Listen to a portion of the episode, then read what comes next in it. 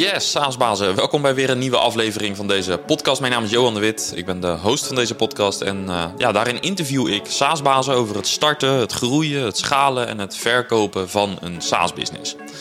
Maar vandaag gaan we iets anders doen en dat hoor je zo. Maar eerst een berichtje van onze sponsor. Leadinfo is een SaaS-oplossing waarmee je ziet welke bedrijven jouw website bezoeken. Dus je ziet waar jouw websitebezoekers werken en wat hun gedrag op jouw website is. En met Leadinfo herken je dus bezoekers, maar je verzamelt ook bedrijfsgegevens en je kunt je website personaliseren. Wat in B2B SaaS natuurlijk erg handig is. Nou, je kan het gratis uitproberen. Dat is uh, een uh, periode van 14 dagen. Ga naar leadinfo.com slash saasbazen om te zien hoe dat werkt. Ja, en dit is een uh, aflevering waar ik al een aantal weken naar heb uitgekeken. En dit keer niet vanwege een tof interview, maar vanwege de inhoud van de boodschap. Laten we er gewoon uh, gelijk mee gaan starten. Let's go!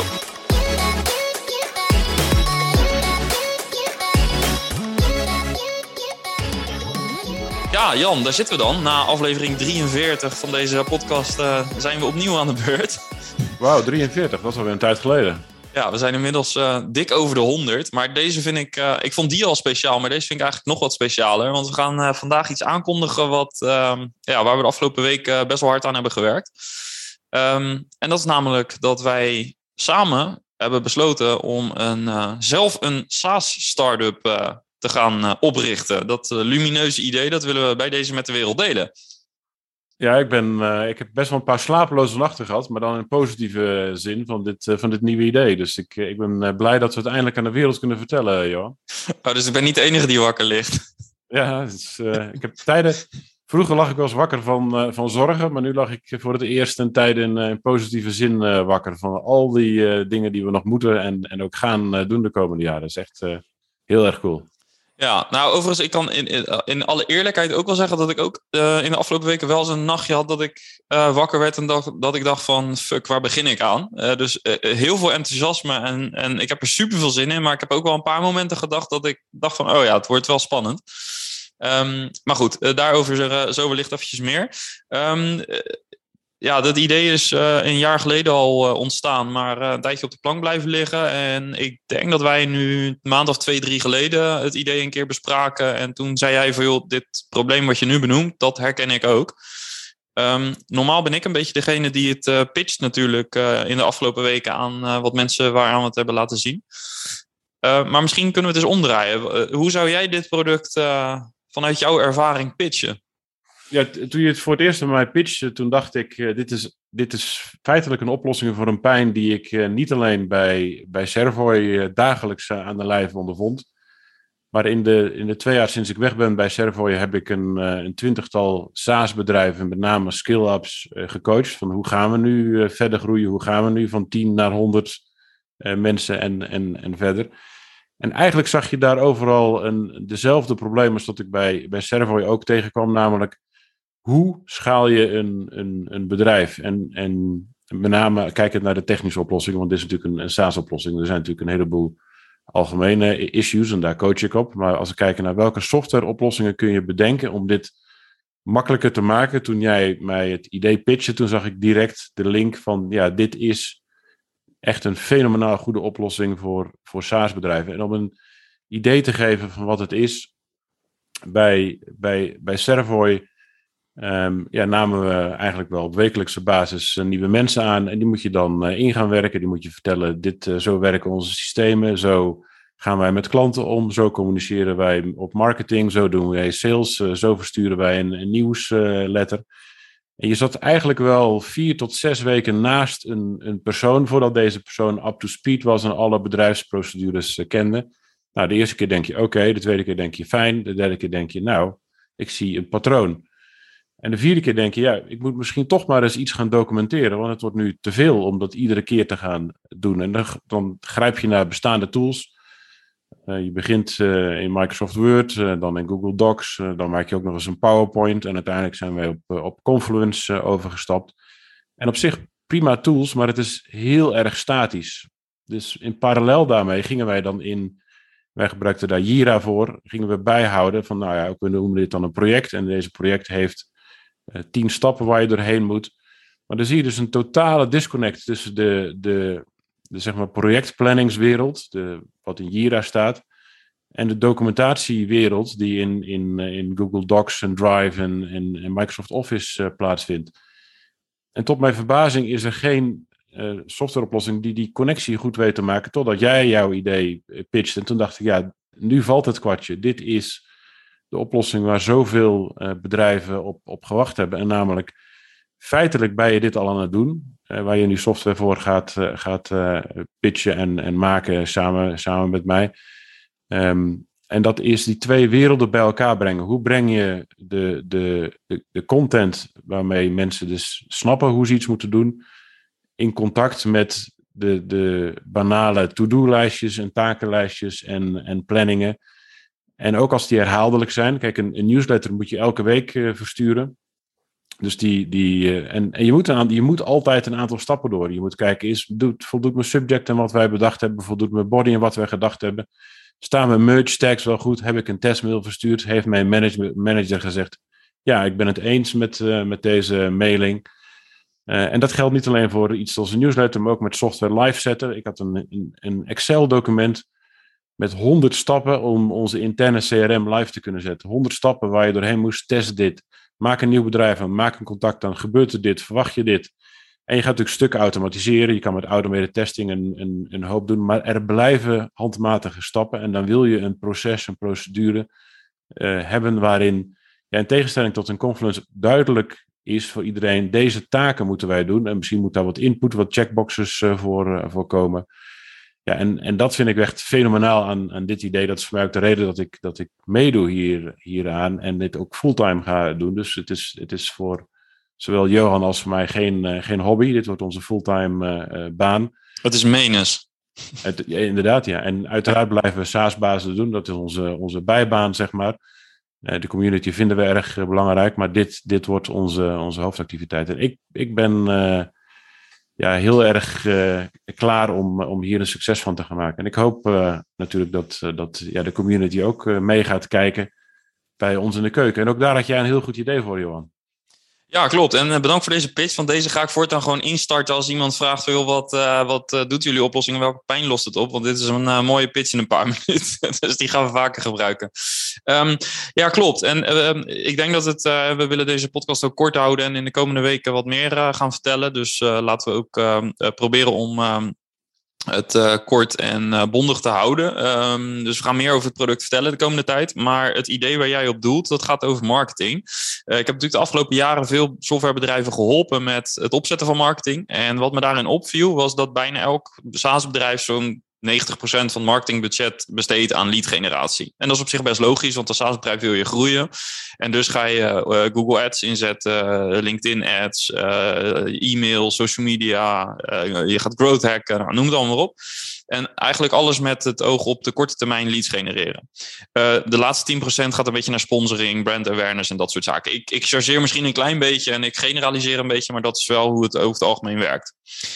En um, hoewel dat dus best begrijpelijk is, denk ik dat er tegelijkertijd ook een kans ligt, juist om uh, op het moment dat je dat gaat omdraaien. Wat veel SaaS-bedrijven namelijk uh, uh, vroeg of laat merken, is dat ze in Google Ads zijn uitgespeeld, want de CPC's, hè, de, kosten voor één klik, die reizen de pan uit, bijna in elke industrie.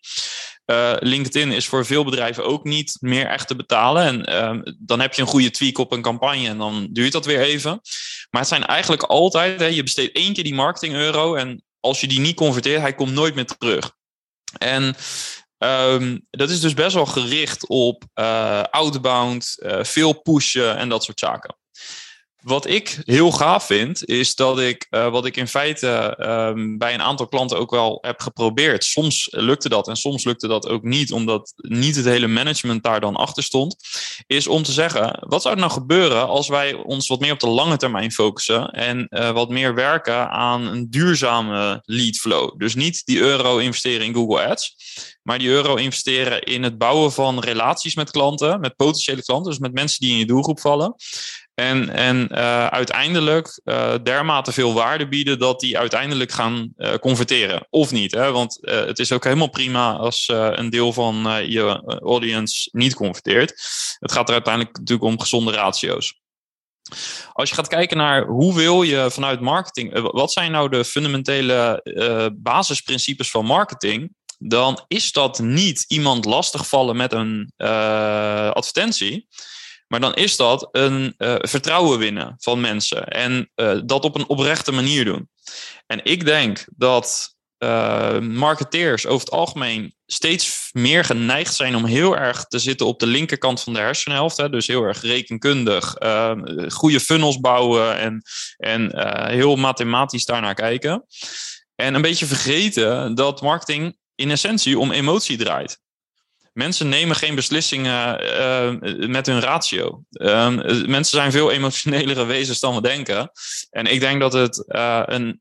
ik vind het een heel interessant experiment, zou ik het bijna willen noemen.